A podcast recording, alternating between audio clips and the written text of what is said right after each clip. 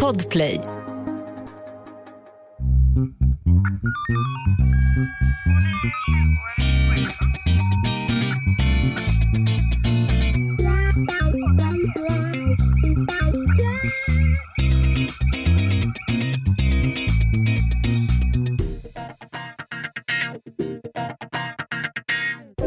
Välkomna till krimpoddarnas krimpodd över min döda kropp. Med mig, Anna Jinghede och... Lena Ljungdahl. Oh, härligt! Ja. Och det här är ju då podden där man får true crime på riktigt. Mm. För Är det- 301 gången. Just det, är det, är det, li- är det något förmätet över att uttala det där? Är det inkorrekt? Inte alls. Nej, Inte alls. då tror jag att du har svaret där. Du tycker egentligen allting är förmätet. Åh, jag är hungrig. Nej, Lena, kan jag säga så? Tänk om någon tar illa upp. Ja, tänk om. Ja, men nej, just när jag säger så här, det här är podden där du får true crime. Alltså det, det signalerar ju på något sätt att det bara finns en. Det var det jag kände Mhm. att det kanske, det kanske inte... Eller? ja, men true crime finns det ju massa poddar. Men Ja, här men är, på är det på riktigt. riktigt. Ja.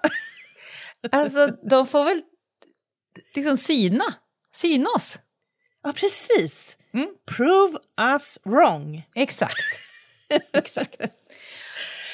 Ja, Jaha. det är case-torsdag i alla fall, Lena. Ljungdahl. Vi är tillbaka enligt rutin. Och rutinen är att sista torsdagen i månaden, när vi känner fört, skulle man väl kunna lägga till, så Ja, vi drar vi måste ett case. nog göra det, faktiskt. För vi har ju varit ute och slirat lite.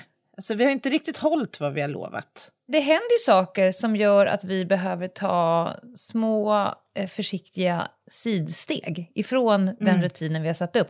Vi är väl, man skulle kunna säga att, vi är definitionen av fransk grammatik. Det finns egentligen mer undantag än regler.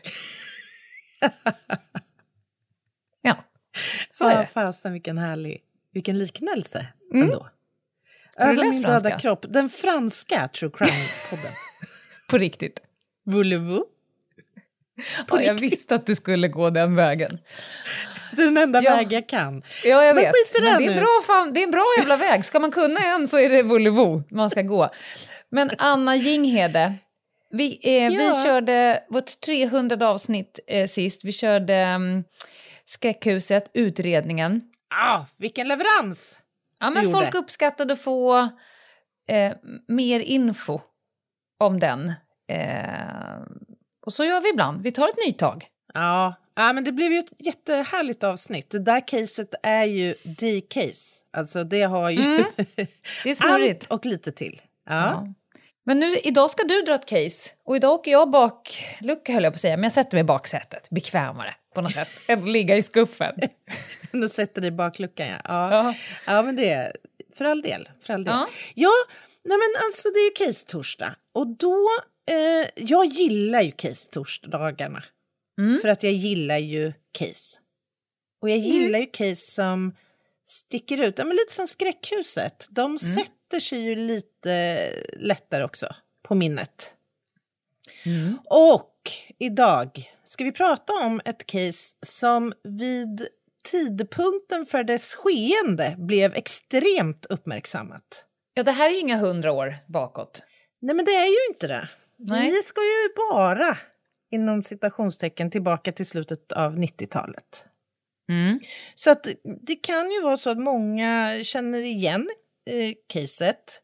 Och, här, och vi ska vara noga med att säga att det här är avdömt och det är avtjänat och eh, ja, allt det där så att säga. Så det är inte något pågående. Nej, och det faller inom ramen för våra ganska stränga regler över vilka case vi tar oss an. Mm. Mm. Det tycker jag. Och det här caset har ju för bövelen varit så uppmärksammat i alla medier och det har gjorts dokumentärer och det har skrivits om och sådär. Så att jag tycker faktiskt vi kan kosta på oss att göra ett intressant, ett intressant avsnitt om detta. Vi ska alltså ge oss i kast med Sveriges första kvinnliga, eller ja, det kanske inte är Sveriges första, men Sveriges första dömda, i vart fall, kvinnliga styckmörderska. Mm. Är det därför? Jag såg nämligen att du drack rödvin idag. Det tror jag inte att jag har sett. Det är, Du inte det. Du Då slickar i det fel. vitt. Ja, det var vitt. Jag, jag såg fel. Jag tänkte är ett du, du gjorde vitt. liksom en... en till, till da- dagen till ära, så att säga. Men nej, jag Ja, fel. jag förstår. Mm. Nej då, icke. Eh, nej, men ska vi, ska vi dra pl- plåstret bara? Kör, Ja. var börjar vi? Ja, men vi beger oss då tillbaka till eh, året 1998 och den 30 november. Och detta råkar vara en eh, måndagkväll. Och detta första skede av det här ärendet det utspelar sig vid Slussen när två eh, kamrater är ute och promenerar längs det här härliga promenadstråket vid Söder Mälarstrand i Stockholm. Och detta är dina hoods. Ja, Lena. men får man göra en liten eh, miljöbeskrivning, som den stockholmare man Gärna. är, och Södermalmsbo som jag har varit i större delen av mitt Mm. liv. Alltså Södermälarstrand, s- sett från Slussen, just nu är det ju bara en gigantisk eh, byggplats. Det, det kom en Just det. guldbro och sen dess har det ju bara byggts och byggts och byggts. Eh, men vi, Ja, kan man Det- säga, det är varje gång man kommer åkande så är, måste man åka en ny väg. Och det, det är också så, det- här, om, jag, om jag får ett instick i ditt instick, Mm. så är det också så här att om man kommer från landet och råkar vilja ta en buss från detta område, då det är gör man sig icke besvär utan man tar då eh, förslagsvis en taxi, därför att det är helt omöjligt att hitta rätt. Ja. Ja, det, det är faktiskt en, en klurig plats och det är också så att Stockholm är byggt på öar så det är väldigt mycket vatten mellan alla vägar här också. Ja. Men Söder Mälarstrand är i alla fall ett klassiskt eh, promenadstråk. Om man tänker att man står vid Stadshuset, där, det, det vet de flesta vad det är, eh, Nobelfesthuset. Och så står man med huset i ryggen och tittar ut mot vattnet så ser man Söder Mälarstrand på andra sidan vattnet. Det är där vi är. Och det är ett promenadstråk nedanför en ganska brant backe, ganska mycket företagsbyggnader och sen ligger det jättemånga husbåtar längs hela den kajen där folk bor. Just det. Är det inte rent av så att om man står med ryggen mot stadshuset och blickar över mot söder Mälarstrand så Mm. står man på norr Mälarstrand? Det är korrekt. Eller? I alla fall, stads, Norr Mälarstrand börjar vid Stadshuset och sen går ju Aha. den hela vägen bort mot Rålambshovsparken. Just det. Mm. Kan lite skit ändå. Ja, visst. Kusiner från landet briljerar. Ja, men det är i alla fall där vi är just nu i 98, en måndagkväll.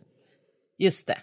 Om ni då föreställer er att dessa två män som är ute nu och flanerar eh, i novemberkvällen eh, går där längs kajen, vid kajkanten och ser då någonting som guppar i vattnet. Det är någonting som flyter helt enkelt. Och de tycker sig skönja konturen av en torso.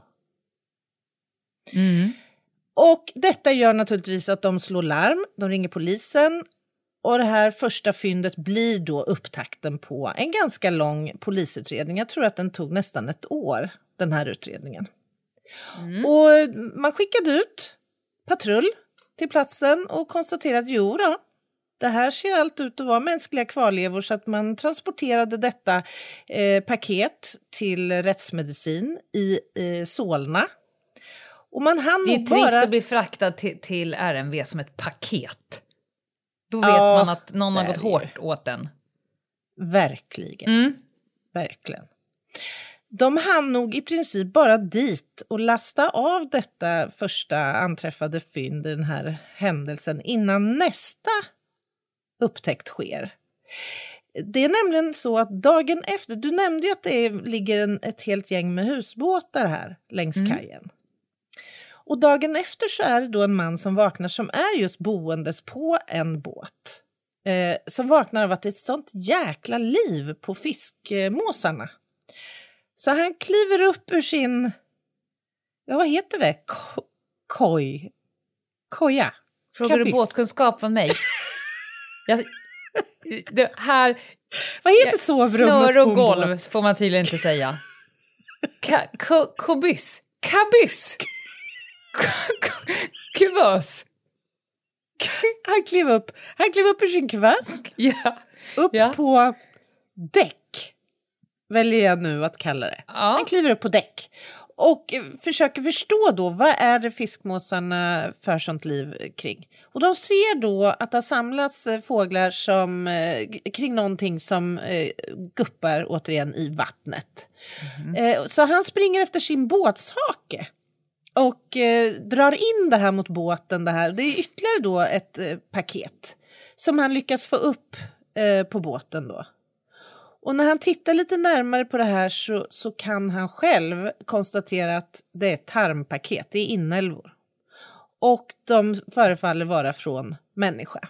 Så här blir det ju då en repris av gårdagskvällen. Man ringer, Men- eller han ringer, polis igen. Vänt, vänta här. Jaha.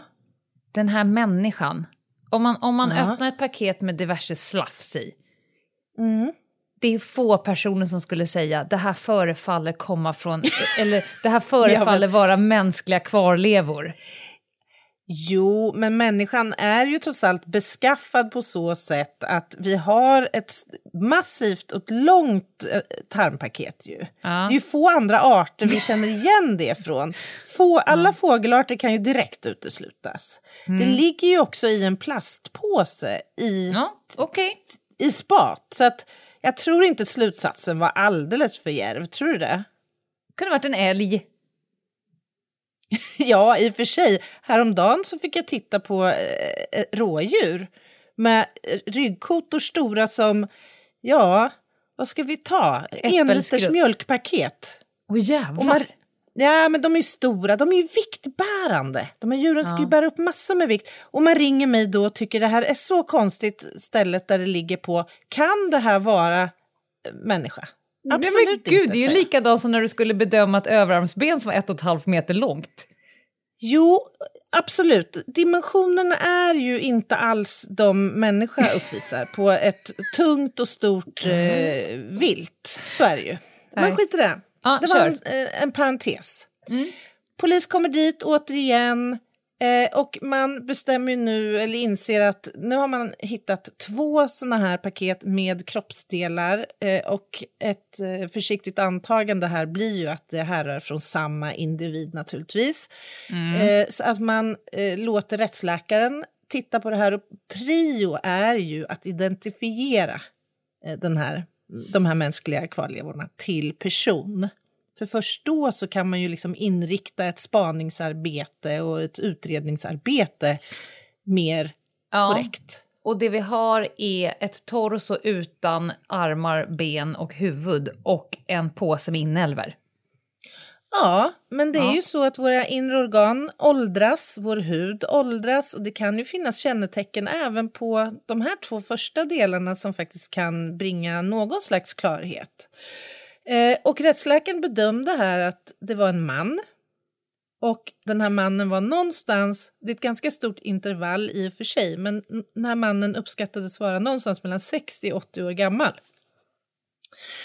Och man reagerade på att, att det då föreföll vara en äldre man som då hade styckats och eh, slängts här i, i vattnet. Det är ganska ovanligt med äldre offer och särskilt vid styckmord.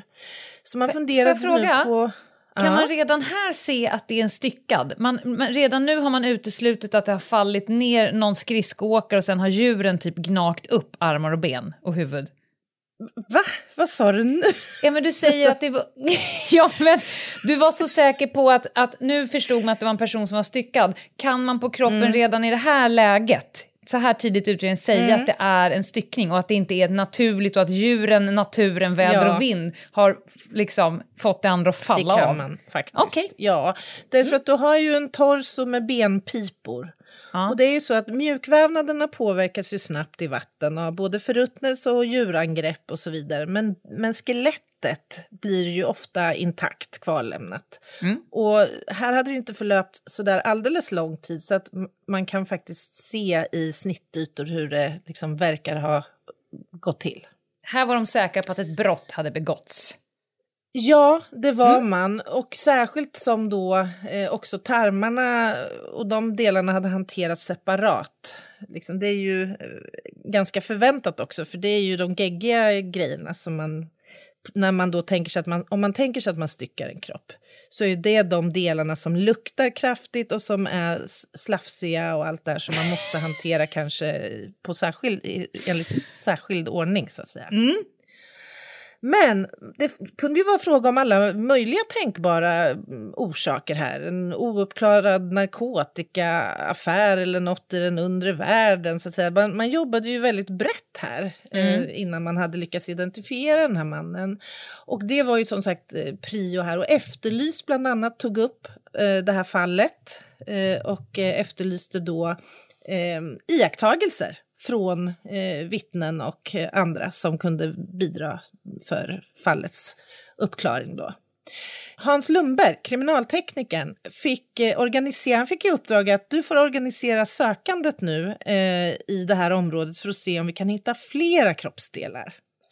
Så det man gjorde var att man gick ner med en undervattensrobot eh, som då eh, tillhandahölls av Kustbevakningen. Och med hjälp av den här roboten då, som har eh, sonar så, kunde man, så kan man se ekon på, på sjöbotten. Alltså om det ligger föremål på botten så får man ett eko och sen kan då dykarna gå ner och undersöka vad det är eh, som sonaren har reagerat på. Eh, så dykarna söker av då det här området runt kajkanten och eh, man hittar då eh, del för del eh, av en människokropp. Då skulle jag vilja säga, bara sticka in med en sak. Med vetskap mm. om hur mycket bråte som ligger längs Stockholms mm. kajkanter. Det kan man tänka sig. Det är ja. cyklar, barnvagnar, eh, såna här trottoarpratare. Så jag tror inte att de bara gled ner och hämtade upp kroppsdelar utan de har nog fått slitit röv där nere. Säkert. Jag tro. Mm? Det har de säkert gjort. Och man kan ju på ett sätt vara tacksam för att eh, den som har dumpat de här delarna sannolikt inte har varit liksom båtburen för då kunde ju delarna också ligga mycket djupare och längre ut. Mm. Här fanns de ju ändå inom ett tämligen avgränsat område trots allt. Och det visade sig skulle bli 14 delar totalt. Eh, och ett av de sista, en av de sista delarna man anträffade var huvudet. Och eh, alla delar, återigen, gick ju till samma instans, nämligen Rättsmedicinalverket och en och samma rättsläkare som då eh, undersökte när man till slut hade hela kroppen då framför sig. Och eh, man kunde konstatera då att den här kroppen hade varit utsatt för ett enormt kraftigt våld. Både trubbigt våld, alltså... Eh, Förlåt, men det krävs ju inte någon vidare utbildning om, om en kropp är styckad i 400 delar, då krävs ju inte ett, ett allt för svårt... Så det, man behöver inte spänna bågen så hårt för att gissa att, att det är utsatt för kraftigt våld. Okej, jag omformulerar. Men man, man, kunde konstatera att antemortalt, före döden, hade den här kroppen utsatts för ett massivt våld. Mm, Okej, okay, före också? Ja, av både trubbig och eh, trubbig karaktär, alltså slag, sparkar, slag med föremål och så vidare och stickande, skärande våld. Men gud. Ja. Eh, ja, och man kunde utläsa ganska många enskilda liksom, våldsgärningar. Eh, I utlåtandet från, från rättsläkaren sen så kunde man eh, bland annat läsa att ett kraftigt yttre våld hade riktats mot bröstkorgen och det här våldet har orsakat tre revbensfrakturer nära eh, hjärtat eller hjärttrakten. Man kunde också läsa att kraftiga blödningar i tungbashalsen eh, förenat med ett grovt våld mot halsen, kanske med kniv, hade skett. Att, När du talar om det här kraftiga våldet, vi minns mm. att du sa inledningsvis att det skulle handla om en Sveriges första dömda kvinnliga styckmördare. Mm. Det är nästan mm. så att det skevar ens huvud Eh, in, inte för att jag tillhör kategorin som tror att kvinnor bara är offer och aldrig gör något dumt, utan det mm, finns nej. as till kvinnor. Men en kvinna, du ska ju snart berätta liksom om hur det går till, mot en liksom äldre man. Det kan inte vara jätte, jättevanligt. Det här är extremt mm. ovanligt. Mm. Synnerligen ja. ovanligt. De eller det styckmord som följer efter det här eh, sker ju mot en annan kvinna till exempel. Så det, här, det är ju ovanligt, absolut. Och särskilt det här, den här graden av eh, våldshandlingar eh, mot den här äldre mannen. Exakt, som vid liv. också ja. dessutom hade varit, kunde man konstatera, vid liv när många av de här skadorna hade uppkommit. Mm. Jag ska gå in lite grann på um, vad som händer i nästa, för det är ett genombrott i utredningen. Men först tar vi en kort paus. Ett poddtips från Podplay. I podden Något Kaiko garanterar östgötarna Brutti och jag, Davva, dig en stor dos skratt. Där följer jag pladask för köttätandet igen. Man är lite som en jävla vampyr. Man har fått lite blodsmak och då måste man ha mer. Udda spaningar, fängslande anekdoter och en och annan arg rant. Jag måste ha mitt kaffe på morgonen för annars är jag ingen trevlig människa. Då är du ingen trevlig människa, punkt. Något Kaiko, hör du på Podplay. Därför är gardinerna. Välkomna tillbaka till krimpoddarnas krimpodd Över min döda kropp där ni får true crime på riktigt. Och idag i avsnitt 301 är det Anna Jinghede som går igenom ett... Det som har hänt hittills är att det har hittats en väldig massa kroppsdelar i vattnet eh, på Södermalm i Stockholm. Och nu så flaggade du för ett genombrott i utredningen. Ja, och innan pausen så pratade man lite grann om obduktionsfynden. Eh, och jag, ju mer jag tänker på det här caset så slår det mig hur skickliga rättsläkarna är. Att mm. utläsa händelser av till synes väldigt påverkade då, eh, kroppsdelar. Eh, vi vet ju vad som händer när, när eh, ett lik eller kroppsdelar slängs i vatten. Eh, dels så kan mm, de vara tack. preparerade i avsikt att eh, sjunka. Och är det preparerat med vikter eller tyngder, ja då kanske aldrig kroppsdelarna ens flyter upp så att man får en möjlighet att eh, hitta dem helt enkelt. Men vi har också ett djurliv i havet som påverkar de här eh, delarna, mjukdelarna framför allt. Och förruttnelseprocessen som ju träder in direkt vid dödens inträde egentligen.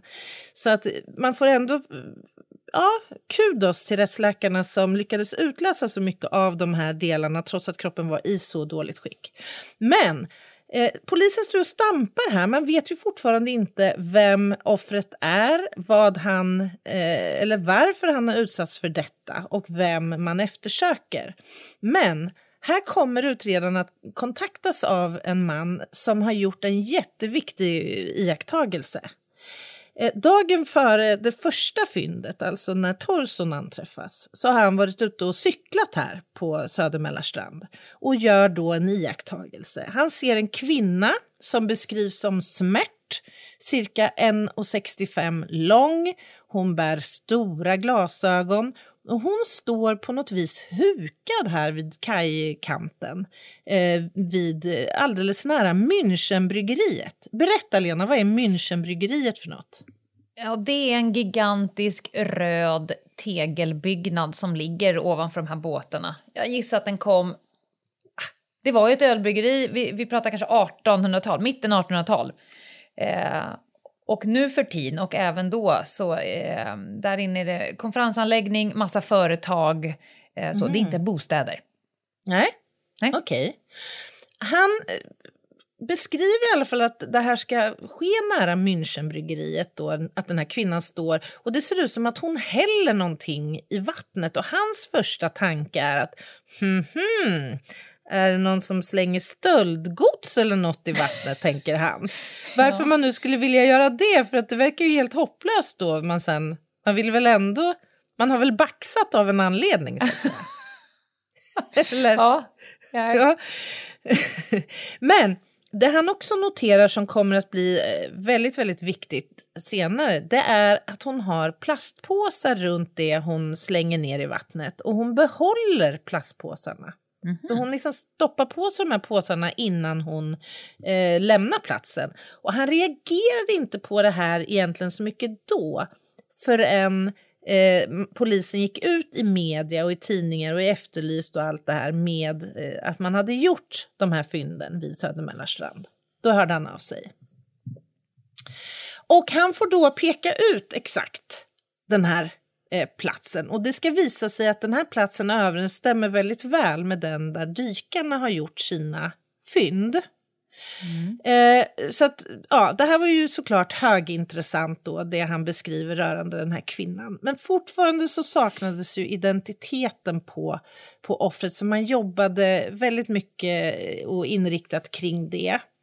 Problemet var att, här att fingeravtrycken gav ingenting eh, sett till att vederbörande i vart fall inte fanns med i några register. Och det är ju det man har att gå på då, om man inte har något annat eh, jämförelsematerial. Även tänder är ju väldigt svårt. Om vi inte har en idé om vem vederbörande är, för då vet vi ju inte vems jämförelsematerial vi ska hämta in. Vi har ju inget register vi bara blint Nej, kan det blir söka många tandläkare att mot. ringa. Det blir ju det om Mm. inte det finns någon i försvinnanderegistret som överensstämmer signalementsmässigt som har anmält saknad, men det gjorde det inte. Det man gör nu det är att inrikta sig på huvudet och undersöka det eh, ordentligt. För kanske kunde det här finnas eh, karaktäristik, alltså personliga drag, födelsemärken eller annat. Eh, kunde man rekonstruera ansiktet på något sätt och kanske göra en fantombild och gå ut Ja, med? det. Mm. Eh, men det visade sig att dels så var huden eh, kraftigt påverkad i ansiktet. Den var liksom som krympt. Och sen så, när man tittade på håret för att försöka förstå hur hade frisyren sett ut så såg det ut som att håret var nästan blonderat. Och om du minns så var ju det här en äldre man, det hade man ju Ja. kunnat eh, fastslå. Så det, var, det stack ut lite grann. Och sammantaget när man eh, värderade de här fynden då så drog man slutsatsen om att, att huvudet hade varit utsatt för värme. Sannolikt ganska hög värme för att åstadkomma de här förändringarna både i huden och i eh, håret. Inte att någon hade försökt elda upp honom. Eh, nej, alltså om du tänker i en hud som är svedd. Det Ja, fanns inga ja. egentliga brandskador eller Nej. liksom så höga eh, temperaturrelaterade skador utan mer att det var som en värmepåverkan som hade orsakat den här ja, Och jag ser eh, framför yttre- mig och ett, ett ärende när jag liksom fick stå och vakta två personer som låg liksom i fäktarställning. Huden drar ju ihop sig och Ja. blir... Ja, usch, jag såg Ja, framför vätskan Ja, dras ur musklerna och man intar en så kallad fäktarställning. Det är helt riktigt.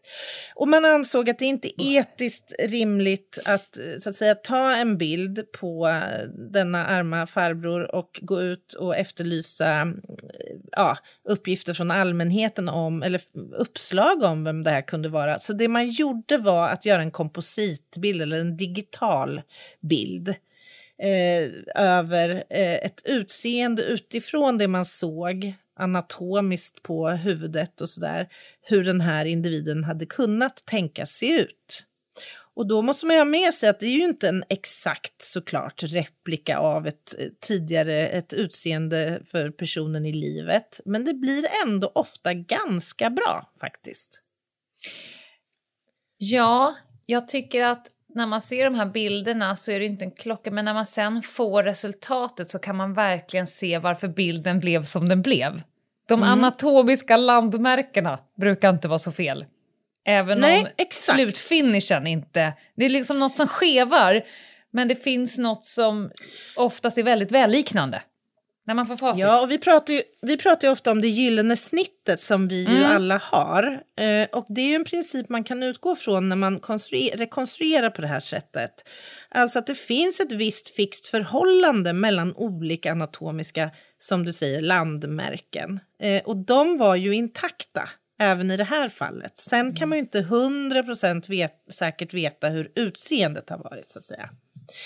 Men Eh, man går alltså ut i media nu med den här bilden och det resulterar i eh, uppslag. Bland annat så är det en eh, man som hör av sig eh, och säger att han tycker faktiskt att den här bilden påminner om hans eh, pappa.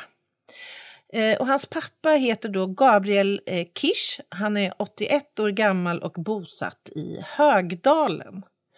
Och det här, det här var ju lite av ett genombrott för nu hade man ju ändå ett uppslag och inriktningen blir ju då att försöka kartlägga vem var Gabriel Kish och är han anträffbar? Är han vid liv eller inte? Så att säga. Alltså man måste ju nu förstå eh, om det här kan stämma.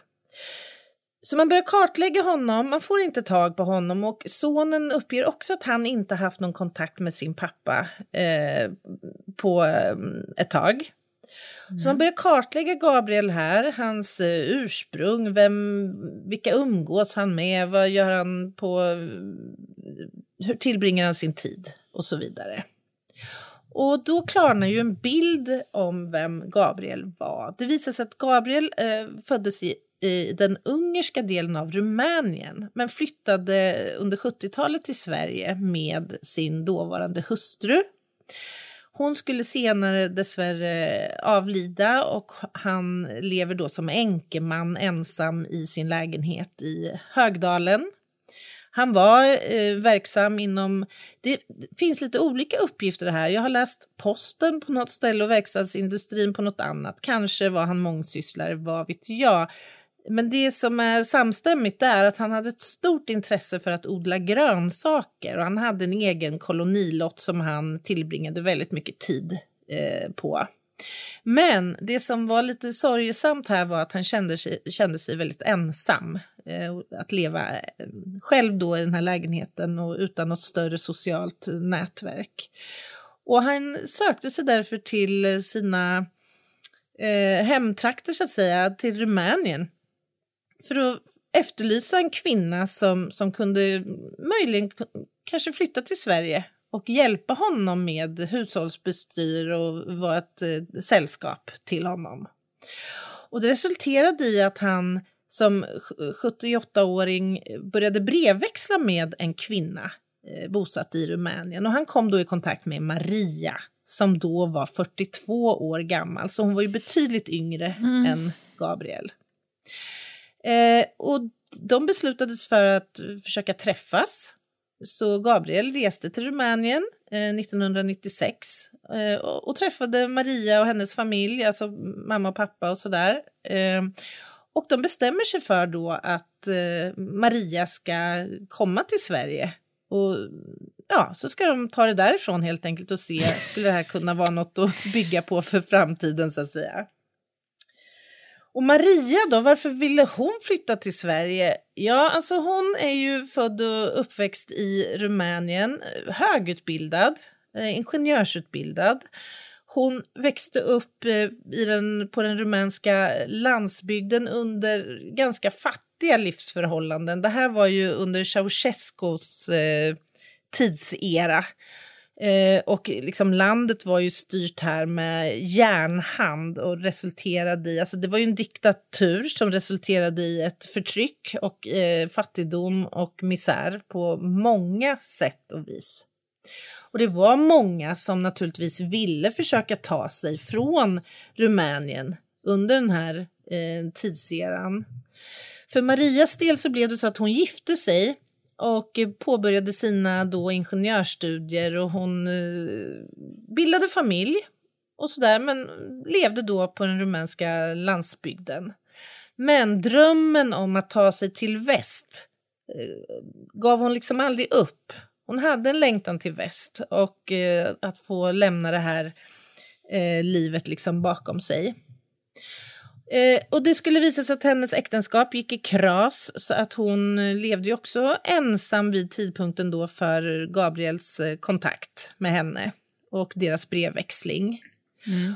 Och hon gick med på att flytta till Sverige eh, och flytta ihop med Gabriel i Högdalen. De gifter sig 1997 men deras äktenskap eh, har beskrivits som fullständigt platoniskt, alltså inte liksom kärleksbetonat. De hade det trevligt och mysigt och allt det där men, men det var liksom en, på något sätt eh, som jag tolkar det, som nästan en uppgörelse i symbios. Alltså de gynnades mm. båda två av den här överenskommelsen. Gabriel tappar här lite sin kontakt med sin son efter att hon, han har ingått äktenskap med eh, Maria. Så att han sluter sig väl, eller isolerar sig lite grann här i sin nya konstellation. Då. Maria å andra sidan, hon börjar plugga här svenska. Hon beskrivs som eh, intellektuell, receptiv eller ja, lättlärd. Eh, hon beskrivs också personlighetsmässigt som ganska skygg. Eh, hon hade långa blonda flätor och de här stora glasögonen då. Eh, även om det också eh, senare skulle visa sig att hon hade faktiskt också ett hett temperament som ibland slog igenom lite grann. Eh, I det här skedet så blir ju såklart eh, Gabriels bostad intressant att titta närmare på. Eh, och tekniker nu tar sig in i Gabriels och Marias lägenhet i Högdalen för att göra en brottsplatsundersökning. Och det första som slår dem det är att det är otroligt välstädat. Det är ordning och reda. Extremt rent är det. Det finns inte ett hårstrå liksom i badkar eller i ja men du vet, avloppsbrunnen under badkaret och sådär. Och det gör ju att de drar öronen åt sig lite grann och funderar, kan det här möjligen vara en, en brottsplats? Och det man får göra då i de här lägena, för det är alltid en utgångspunkt i de här fallen, det är ju att försöka se eller leta efter det som är normalt. Och i alla människors eh, vattenlås, avloppsbrunnar, ja, men, stammar så finns det avlagringar. Det finns gamla hudceller, det finns hår, det finns slabb. Du vet. Jo, men tack. Det gjorde, jo, precis. Men det gjorde inte det här. Det var kliniskt rent och när man gick ner med fiberoptik eh, ner via vattenlåset och lite längre ut i avloppsröret så var det liksom det var som kliniskt rent, som att nästan stammarna var eller rören var utbytta. Så mm. rent var det. Och det är ju inte så att säga normalt i en bostad Nej. där två människor har levt tillsammans. Och då blir ju nästa inriktning då att försöka leta blod. För att om nu detta var en brottsplats, då blir det ju såklart angeläget att försöka hitta eh, blodrester här. Och även om man kan med stor framgång rengöra en plats, alltså få bort flera liter av eh, liksom en eh, blodvolym som har tömts ut ur en kropp, så är det svårt. Hur mycket tid man än lägger på detta, och här har ju vi eh, väldigt bra metoder för att eh, hitta blod avtorkat blod. Det finns kemiska metoder som hjälper oss att visualisera mm. områden där man har torkat rent och torkat av. Alltså latenta, som det kallas, eh, blodspår. Eh, man noterade också att det fanns ju inga tecken på strid eller våld. Det fanns liksom ingenting som stack ut. Eh, och det här är lite en fälla när man utreder grova våldsbrott. Att man någonstans förväntar sig att det måste finnas klassiska tecken på strid eller våld. Du har ju hört det här begreppet tiotusentals gånger. Ja, alltså där, vi riggade ju, när jag var lärare på polisutbildningen så, så riggar man ju, för där finns ju massa övningslägenheter och sen så får den övande patrullen lite förutsättningar och så ska de gå in. Och de blir nästan alltid lite tagna på sängen för att de förväntar sig utifrån eh, liksom att grann, vad grannarna hört, då förväntar de sig välta saker mm. och så vidare. Då gör man ju med flit precis tvärtom. Mm. Mm. Rent och snyggt och prydligt och en man kommer och möter upp i dörren och är supertrevlig och då är det nästan som att de är på väg därifrån. Det är då man som lärare Ex. puttar in dem liksom. Ja. Du får inte gå på den lätta. Nej, bra Lena, bra sagt. Mm. För det är ju så att det kan ju finnas tio skäl till att tecken, uppenbara tecken på strid och våld saknas. Platsen mm. kan ju vara rigoröst städad, platsen kan vara arrangerad. Eh, alltså det finns Det kanske aldrig var någon strid. Det kanske Precis, det kanske aldrig var en strid som resulterade i blodvite ens på den här platsen. Nej. Nåväl, man skaffade ett referensbadkar eh, av samma eh, slag som det som ja. fanns i bostaden. För att helt enkelt se hur lätt eller svårt är det att skrubba bort mänskligt blod från ett sånt här badkar om man nu tänker sig en större volym. Och det visade sig att det var ganska svårt, för det rann in i skarvar och det liksom satte sig på ställen som var svåra att få bort. Och det, får jag bara, en lite... lite... Det är väldigt roligt att se eh, kvittohögen när kriminalteknikerna ska referens. Det kan vara liksom ett badkar. Gittan, vad tar vi det här på för kostnadsställe? Exakt så. Jag bara såg framför mig väldigt många roliga, ungefär som det ser ut när spanare köper prylar som de behöver ha. Det blir diverse. Ja. Mm. Det kan bli diverse. Nu hade man ju också kunskapen om eh, Gabriels att Gabriels huvud hade utsatts för höga temperaturer och då blev det ju naturligt att man undersökte också eh, ugnen ordentligt. Och det var egentligen den enda plats i den här miljön där det var möjligt, hade varit möjligt att utsätta liksom, eh, huvudet för eh, värme. Det fanns ingen bastu med bastuaggregat eller något sånt där. Och då tittade man på långpannorna och på en långpanna så såg man en stor rund ring som var lite så här mörkare, ungefär som att det var inbränt i en kontur om du tänker dig. Så man tänker sig att man har ställt ett huvud på plåten helt mm. enkelt. Mm. Och när teknikerna gick vidare och tittade på i ugnens inre då hittade man alltså ett hårstrå som satt på insidan eh, i taket eh, i ugnen. Och man funderar då på, kan det här förväntas sitta här naturligt? Skulle man kunna tänka sig att när man liksom böjer sig ner för att ta ut sin gratängform, att man på något sätt för med sig in ett av sina hårstrån som liksom blir kvar där inne när man tar ut gratängformen? Hur jävla djup ugn var det? Man. Hur ofta stoppar du in, in ditt huvud i ugnen Nej, för att ta ut din gratäng?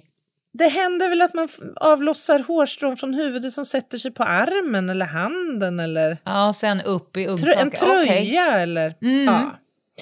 Och det här är ju ett ganska klassiskt sätt att förhålla sig till spår kriminaltekniskt. Alltså att alltid fundera på var sitter det aktuella spåret. För många spår kan förklaras på 50 sätt naturligt. Men ett spår som sitter på en viss plats och som är av ett visst slag och som sammanfaller med en viss händelse kan vara också svårt att förklara på naturlig väg. Så det här blir ofta väldigt viktigt. Man letade också efter knivar såklart i den här miljön. Och man hittade en kniv som var ganska... Alltså den, knivbladet var nästan 20 centimeter lång. Jättelång alltså. Och man, när man tittade på den okulärt så, säga, så hittade man inget blod så man bestämde sig för att separera handtaget från knivbladet. Och där hittade man blod som hade trängt in då i fogen under eh, mm. greppet på kniven.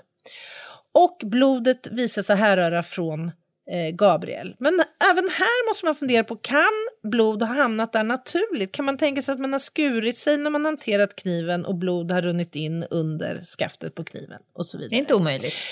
Nej, man hittade också bruna plastkassar på balkongen och det var också intressant eftersom eh, kroppsdelarna var förpackade i just bruna plastkassar. Eh, och när man tittade närmare då på dem på balkongen kontra de runt kroppsdelarna så visade det sig att de överensstämde eh, i färg och form. Och när det gäller just plastpåsar så är det ganska tacksamt kriminaltekniskt att jobba vidare med. Eh, därför att det finns analysmetoder som kan hjälpa oss att förstå kommer den här påsen från samma rulle som den anträffade i lägenheten och sådär. Innan du fortsätter nu Anna med förhör och sånt så ska vi gå på en sista paus. Ett poddtips från Podplay. I fallen jag aldrig glömmer djupdyker Hasse Aro i arbetet bakom några av Sveriges mest uppseendeväckande brottsutredningar. Går vi in med hemlig telefonavlyssning och, och då upplever vi att vi får en total förändring av hans beteende. Vad är det som händer nu? Vem är det som läcker? Och så säger han att jag är kriminell, jag har varit kriminell i hela mitt liv men att mörda ett barn, där går min gräns. Nya säsongen av Fallen jag aldrig glömmer på Podplay. Välkomna tillbaka igen. Anna, det har hittats eh, blod, hårstrå och bruna plastpåsar i den här lägenheten. Vad gör och de nu? Och en extremt ren lägenhet har också mm, hittats. Avsaknaden av spår har hittats i lägenheten. Mm. Negativa fynd, också mycket intressant. Jo, man börjar förhöra människor här, eh, människor som, som har befunnit sig i Gabriels eh, närhet. Fanns det någon här som hade motiv eller var det någon som kunde tänka sig att det fanns någon som skulle ha intresse att, så att säga, mörda Gabriel? Nu var det ju så att Gabriel hade inte så många bekanta och det visade sig att han hade liksom inga kända fiender heller. Det fanns en person som man inte ännu hade pratat med och det var Maria Kirsch, Gabriel Kirsch eh, hustru. Maria hade nämligen gått upp i rök. Hon fanns inte att få tag i någonstans. Ingen hade sett henne på en tid och man började fundera på var hon också bragd om livet? Var hon ett offer i liksom mm. samma händelse här? Och när man pratade med anhöriga då, vänner till Gabriel så kom det fram att det var ganska många som hade varit oroliga och inte fått tag på Gabriel sedan ganska många veckor tillbaka. Maria hade märkligt nog eh, inte velat eh, fördjupa sig i Gabriels eh, liksom, försvinnande. Hon, hon liksom försökte undvika frågor kring var han befann sig och sådär. Och, och det här gjorde att en anhörig fick nog till slut och anmälde honom som saknad till polisen. Eh, och samma dag som, som detta sker så lämnar Maria landet ska det visa sig. Jaså. Det var ju lämpligt att hon försvann då. Ja, eller hur? Mm. Och, men hon lämnade inte obemärkt. För det var en granne som såg när hon lämnade och den här grannen och Maria hade haft ganska nära kontakt. Maria brukade alltid vända sig om och vinka till sin man, nämner grannen senare i förhör, när hon lämnar bostaden. Men det hade hon inte gjort den här gången, hade grannen noterat, mm. som då hade rätt god kunskap om paret Kish. Mm. Hon beskriver också att Maria när hon lämnade hade otroligt mycket packning som hon stuvade in i en taxi. Och när man senare konstaterar vilket flyg Maria Kirsch skulle komma att ta så hade hon alltså eh, packat 70 kilos övervikt som hon också fick betala för vid incheckningen. Allt det här sammantaget, att man nu vet att Maria har lämnat landet med väldigt mycket packning, att hon beter sig avvikande när hon lämnar bostaden och så vidare gör ju att hon blir högintressant för utredningen. Hon är ju också den som har stått Gabriel eh, närmast. Och detta resulterar i att hon blir häktad i sin utevaro eh, och också sedermera efterlyst internationellt. Och det här är ju lite trixigt, Lena, med internationella efterlysningar och så vidare. Jag skulle säga så här att vi kommer ju framöver ha ett eget avsnitt om detta men enkelt kan man säga det finns massa såna här utlämningsregler, utlämningsavtal. Eh, lätt sett kan man säga eftersom Sverige är med i EU, EU så har vi avtal med alla länder i EU. Rumänien är med i EU men jag är ganska säker på att Rumänien inte var med i EU vid den här tidpunkten. Jag tror mm. att de kom in i mitten 2000, inte vet jag, fem, sex, sju någonstans. Eh, mm. Så det, det, finns massa regler om huruvida man bara kan släppa iväg folk. Jag vet själv, eftersom jag har jobbat med ganska mycket internationellt liksom, narkotikaärenden, eh, det är inte bara att säga ni har en person i ert land som vi vill förhöra. Men vi kommer återkomma till det här i ett eget avsnitt när vi pratar om liksom, gränsöverskridande, både brottslighet men också eh, hur länder samarbetar. Eller mot eller rättssamarbete. Eller mot, ja, eller mm. motarbetar varandra faktiskt ibland också. Mm, det är inte, det är inte att bara. Nej. Nej. Det visar sig att Maria ska ha bokat en returbiljett till Sverige den 15 mm. januari 1999. Då. Och då står polisen redo naturligtvis ute på Arlanda, eh, men hon dyker inte upp då. Däremot så ringer hon några dagar eh, senare till Gabriels son och säger att hon nu står i Högdalen vid lägenheten och försöker komma in. Men hon, hon har ingen nyckel och kommer in, som kan komma in i lägenheten. Det här resulterar i att sonen ringer eh, polisen som åker till eh, lägenheten och griper eh, Maria. Och mm. i förhör då sen så säger hon att hon har återvänt nu till Sverige för att reda upp ett missförstånd Eh, Eh, hon har varit i Ungern, säger hon, för att leta efter sin försvunna man som hon eh, tror har rest till Ungern för att köpa en lägenhet, för det skulle han ha eh, antytt då. Han skulle ha velat flytta till Ungern för att leva lite bättre på sin pension, hävdar eh, Maria. Och, och, hon säger också att hon sen inte hörde av honom och blev eh, orolig. Det som sticker ut lite grann här är ju att hon inte har eh, beskrivit eller berättat det här för någon annan i deras bekantskapskrets. Eh, jag tycker en annan sak sticker ut. Den spanare som jag är Ja. Att man bara griper henne på en gång kommer. Jag hade tyckt det varit otroligt intressant Mm. Följa att se henne. Att låta henne eh, vispa runt lite för att se vad hon gör. Alltså från en sekund att man griper människor, från den sekunden så vet ju de också att de är under lupp. Man kan absolut ta in, hålla förhör, släppa ut dem och se vad de gör efteråt. Men det, det är liksom en... eh, it's the point of no return lite grann. Eh, Så att jag tycker att ibland kan man se utredningar att de kan vila lite på hanen och, och, och, och kika lite och se faktiskt vad de gör. För hon kom, väljer att komma tillbaka till den tänkta crime scene. Det hade varit intressant att se vad hon gör. Men nu valde man att gripa henne. Ja. Man valde att gripa henne och det är ju då, hon står ju där med lägenhetsnyckeln men den passar ju inte i lägenheten eftersom polisen har bytt cylinder och, och allt det där.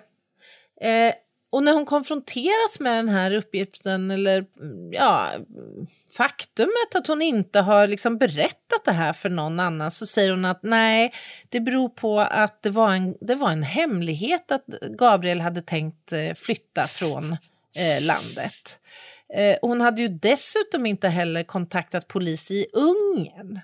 Eh, om det nu var så att hon var där för att leta efter honom och inte lyckades så var det ju för, hade det ju kanske varit förväntat att hon hade tagit hjälp av ungersk polis då. Men det skulle snarare visa sig att hon har alltså, när hon har varit, hon har varit i Ungern, men hon har där besökt sin före detta man och dotter som numera är bosatt i Budapest, Ungern. Och det var också en omständighet som senare sonen med flera skulle kommentera som att Gabriel eller pappa skulle aldrig ha flytt, velat flytta till Bu- Budapest där Marias exman och familj bodde. Han hade inte valt att göra det så att säga. Nåväl, man förhör exmaken eh, som Maria då har vistats med och träffat och han bekräftar det. Jo, Maria har varit hos mig och hon har också lämnat kvar en massa föremål här som sen kunde knytas till Eh, den här övervikten hon lastade in i taxin när hon drog. Bland annat en rakapparat, en elektrisk rakapparat som, som senare visade sig tillhöra Gabriel. Och det var kläder och det var husgeråd och det var smycken och dukar och annat som dessutom hade tillhört Gabriels eh, avlidna hustru, före detta hustru alltså. Så teorin här nu var att Gabriel hade bragts om livet i sin bostad och därefter styckats. Eh, och man kan fundera på om det var en defensiv eh, och eller en offensiv styckning. Man kan tänka sig en defensiv i meningen att det var lättare för Maria att transportera kroppsdelarna. Men han var ju också så illa åtgången med det våld han hade utsatts för, vilket ju också faktiskt talar för en offensiv styckning, alltså där man oftare ser eh, sadistiska eh, inslag. Vi har ju gjort Eh. ett avsnitt om styckning där du mer noggrant beskriver alla olika former av styckning. Kan ni lyssna Ja. på. Det kan ni lyssna på. Man, man analyserade hårstrået. Det visade sig vara väldigt svårt vid den här tiden. Det här är ju ett antal år sedan och då var inte DNA-analyserna så fina som de som vi faktiskt har idag. Eh, NFC, eller dåvarande SKL, lyckades inte analysera detta enda hårstrå. Det gjorde däremot Uppsala universitet, eller ja, ett labb knutet till Uppsala universitet som lyckades visa att det här var ett hårstrå från eh, Gabriel. Och när man tittade på snittytorna på kroppsdelarna lite mer ingående så kunde man se att det var eh, det, det såg ut som att det var någon, ett roterande, eh, så, att så, en såg som hade använts. Eh, och då visade det sig att Gabriel hade haft en hobbysåg från Clas Ohlson som han hade fått i present av sin son. Och den här hobbysågen var tänkt att användas för att dela köttstycken med. Och då beställde kriminalteknikerna, sonen visade vad det var för typ av såg, man hittade inte den här i bostaden. Så man beställde en sån här såg med sådana sågblad och gjorde en rekonstruktion återigen och visade sig att snittytorna i, eh, från bland annat ryggkotpelaren överensstämde med snittytor som man fick fram vid rekonstruktionen. Eh, och det visade sig att Marias svenska studier, de ägde rum på tada, Münchenbryggeriet. Och det var ju också ett litet märkligt sammanträffande sett till vad kroppsdelarna senare eh, hittades. Men motivet är alltid intressant eh, i de här eh, fallen. Och ett motiv som, som ganska snart utkristalliserade sig det var ett ekonomiskt. För det visade sig att Maria hade gjort eh, överföringar till sin eh, dotter bland annat. Eh, och eh, det, det, framkom också, jag vet inte om det var egentligen vid förhöret där med sonen eller på annat sätt, det ska jag låta vara osagt, men att Gabriel var inte riktigt förtjust i att avsätta eh, sin arma pension, inte bara till Maria utan faktiskt också till Marias då eh, dotter och kanske möjligen eh, andra familjemedlemmar i hemlandet. För så mycket pengar hade helt enkelt inte eh, Gabriel. Det fanns inte det utrymmet att skänka så mycket. Så man funderade på, kan det ha varit så att Gabriel hade hittat då överföringskvitton till exempel, att transaktioner hade gjorts. Man hittade nämligen eh, en ganska stor transaktion vid tidpunkten för hans försvinnande på 3 500 kronor. Och Gabriel hade alltså en pension vid tidpunkten för, på drygt 7 000 kronor. Så det var ganska mycket pengar sett till den inkomst som, som fanns. Nåväl, allt detta sammantaget resulterar i att man väcker åtal i augusti 1999. Men det var de facto en indiciekedja man hade här. Man hade ju inte lyckats knyta henne till ett mordvapen, till liksom själva gärningen, även om det fanns ett vittne som tyckte sig ha sett eh, en kvinna som överensstämde signalementsmässigt med Maria eh, hivandes i någonting vid kajen på Södermälla strand. Det fanns många graverande omständigheter.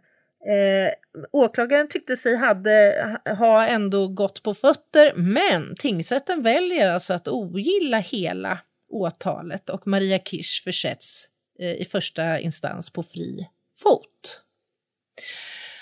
Och det här är ju problematiskt naturligtvis. Eh, man funderar på, kunde det vara så att domstolen var liksom påverkad av det faktum att här var det fråga om en till synes ganska timid, eh, intellektuellt beskaffad och eh, vältalig eh, kvinna. Skulle en kvinna kunna begå så fasansfulla handlingar? Kanske fanns det en sån påverkan, vad vet jag?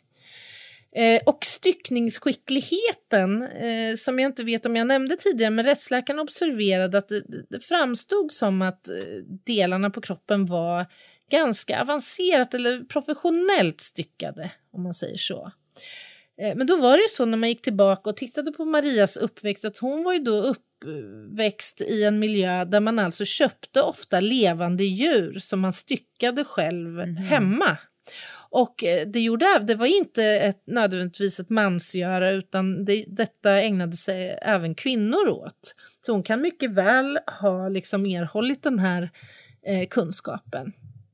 Nåväl, chefsåklagaren var motiverad att eh, överklaga och gå vidare till nästa instans och gick in i varenda detalj nu. Eh, eh och eh, i januari 2000 så prövar man målet igen i Svea hovrätt som omvänt tingsrätten var övertygad, så att säga. Och några veckor senare så meddelades då domen redan efter tio minuters överläggning. Maria Kirsch ansågs vara skyldig till mordet eh, av Gabriel eh, Kirsch och dömdes till livstidsfängelse och utvisning efter avtjänad eh, dom. Och hon var faktiskt den fjärde kvinnan i Sverige som dömdes till livstidsfängelse och då som sagt den första kända kvinnliga styckmörderskan i Sverige.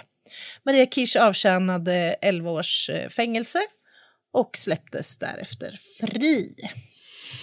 Hon har alltså fått det ja. bestämt.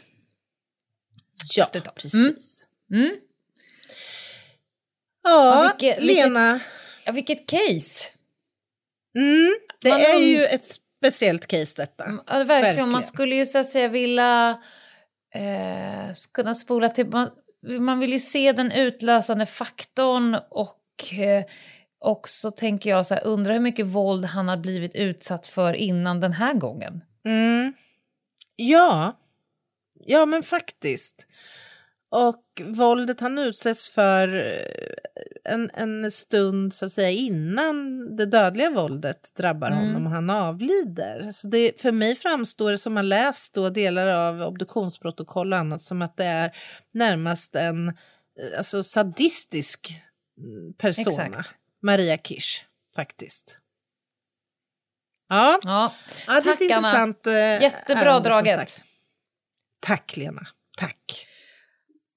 Jaha. Men du, nu är det ju så, jag har ju nu mässat i nästan en timme. Eh, och Mm. det har ju gjort att jag önskade en rövhatt idag istället för en eh, lista. Ja, du orkade inte mer. Nej, Nej. jag tyar inte Nej, mer. jag har en rövhatt, den är ganska kort, men först skulle jag vilja säga några saker av samhällsinformationsmässig karaktär, som det heter. Oj, som det heter ja. Men dels så har jag blivit, folk har med förskräckelse gjort mig uppmärksam på att det är bokren nu och att Ja. vår bok Någon måste dö, våran debutbok som också vann pris för årets debut, jag vill bara säga det om ni har missat det. Du menar vår, vårt första kärleksbarn? Exakt, exakt. Mm. Som, som togs eh, emot så, så bra att det till och med vann årets debut. Och sen har folk skrivit till mig och oss på Instagram att hur kan eran bok eh, vara på bokrean? Och då vill jag bara säga att så kan man tycka, men vi efter att ha pratat lite med förlaget och efter att ha kikat lite vilka andra böcker som finns på bokrean, till exempel Keplers senaste bok, den kommer ju ut en bra tid efter vår bok, någon gång i oktober. Också på rean. Det är tydligen ganska fint, har vi fått lära oss. Att ja. bli- Det, och Det, det gör ju var- att fler kan få möjlighet att Exakt. läsa den. Så ni som inte har läst den än, passa på att fynda för fan på bokrean. Eh, sen kommer den i pocket här i sommar. Men, men eh, vi är i alla fall glada alla som, som läser boken och som skickar massa fina saker till oss. Som att det, Mm. det har fått igång deras läsning äntligen och det kryddar semester. Vi får jättemånga gulliga meddelanden. Det var ja, det tack ena. för det.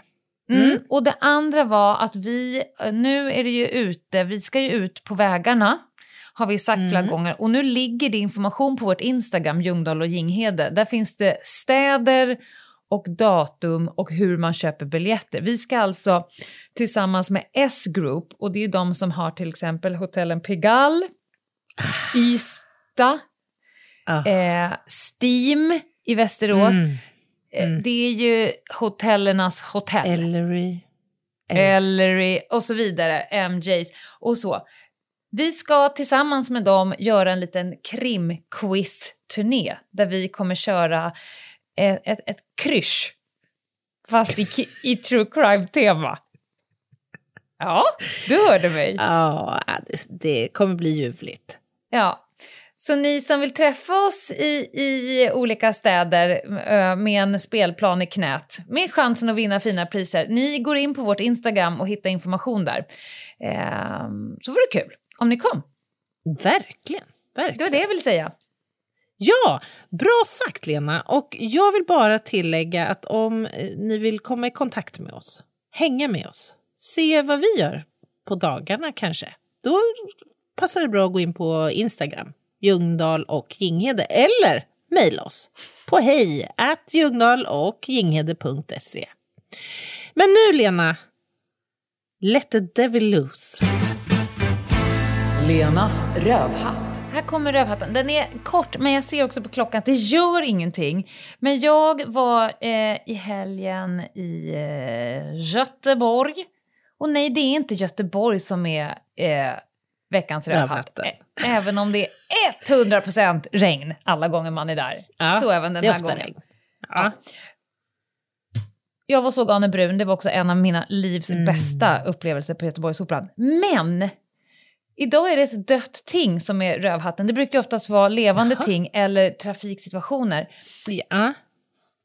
Nordstan får bli Oh. veckans rövhatt. Det måste Aha. ju för fan vara stället som alla glömde bort. Har du varit där någon gång? Gud, ja. Jag har varit där jättemycket. Det, alltså förr så var det så här när man kom till Göteborg. Vi måste till Nordstan.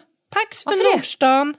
Jo, men för att det var ju smidigt. Man hade ju alla affärer låg ju där, fanns ju där. De som man då ville gå till, förutom NK. Ja, det man måste tog ju vara en liten, det då. Ja, man tog en liten sväng om till NK också Nej men alltså, vi, vi strosade runt i Göteborg, eh, käkade gott, eh, liksom, hängde runt. Mm. Men så gick man ner, för att vi skulle då gena lite snabbt i- ifrån Pigalle där vi bodde och så skulle vi gena ut till Göteborgsoperan och då är det ganska snabbt Mm. att gå igenom Nordstan.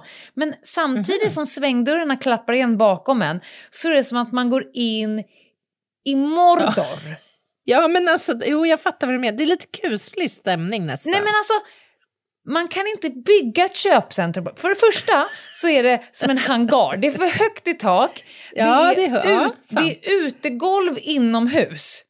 Vilket gör att våra hjärnor Jag fattar inte inte ihåg. att vi är inne. Vilket gör att folk Nej. spottar, fräser och kastar saker. Just det. Ja. Det är, finns inte ett lull-lull där inne, utan det är som Nej. att gå det är väldigt i sparsmakat med det. rättsmedicinsk korridorer.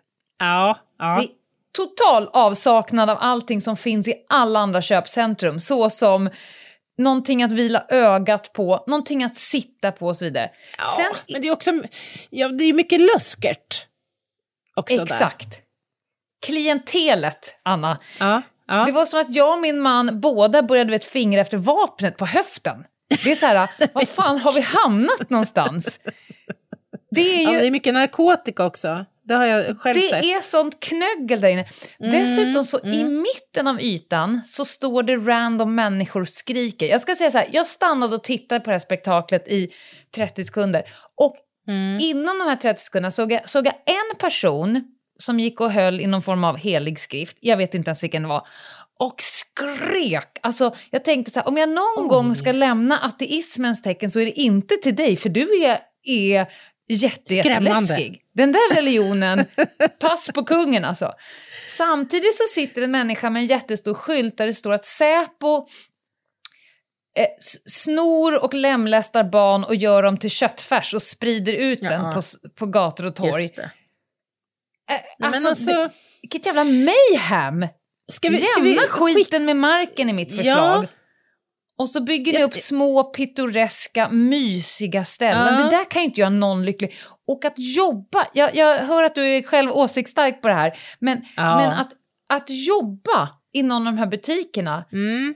skulle något av mina barn få för sig att de skulle sommarjobba, då skulle jag eh, hellre ge dem min månadslön mot att de lovar stanna hemma, än att sätta sig i den där jävla skit.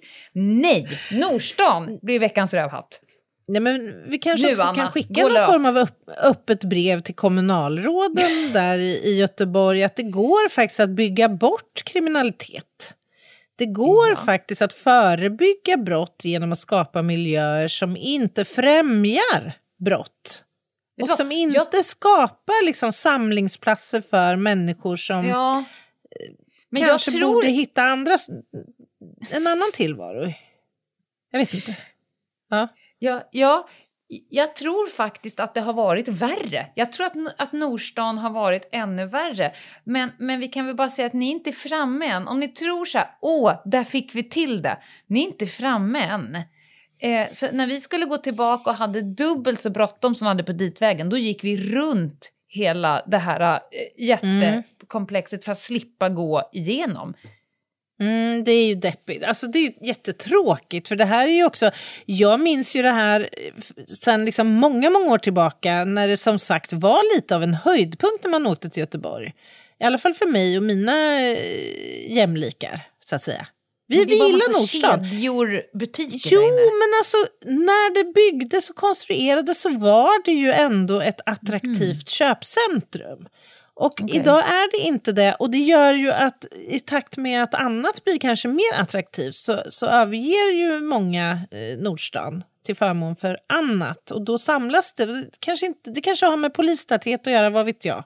Rondering, an, andra liksom, faktorer. Men helt klart är, jag, jag delar din uppfattning, jag har också reagerat på det, att det känns inte riktigt som en trygg miljö. Faktiskt. Det är inte byggt som ett köpcentrum. Det är byggt så att man ska kunna pla- plantera, eh, så parkera ett flygplan i mitten. Det är en hangar. De har bara råkat slänga in Lindex i en hangar. Och Göteborgs alla kriminella på samma ställe.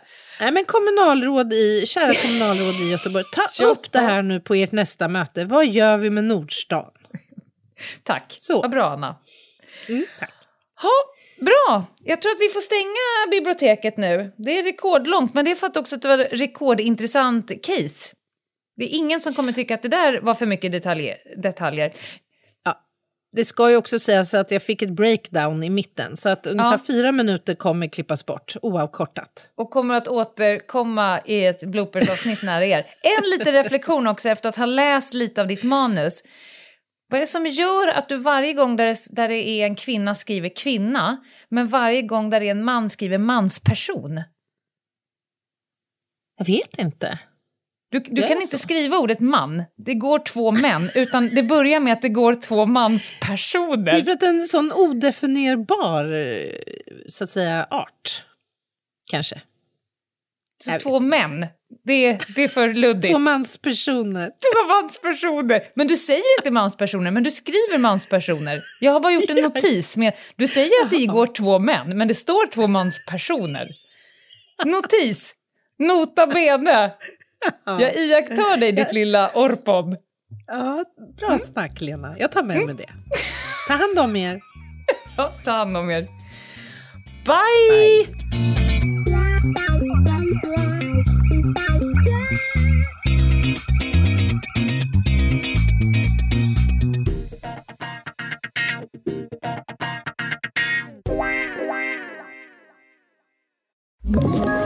Ett poddtips från Podplay. I fallen jag aldrig glömmer djupdyker Hasse Aro i arbetet bakom några av Sveriges mest uppseendeväckande brottsutredningar. Går vi in med hemlig telefonavlyssning och, och då upplever vi att vi får en total förändring av hans beteende. Vad är det som händer nu? Vem är det som läcker? Och så säger han att jag är kriminell, jag har varit kriminell i hela mitt liv men att mörda ett barn, där går min gräns. Nya säsongen av Fallen jag aldrig glömmer på Podplay.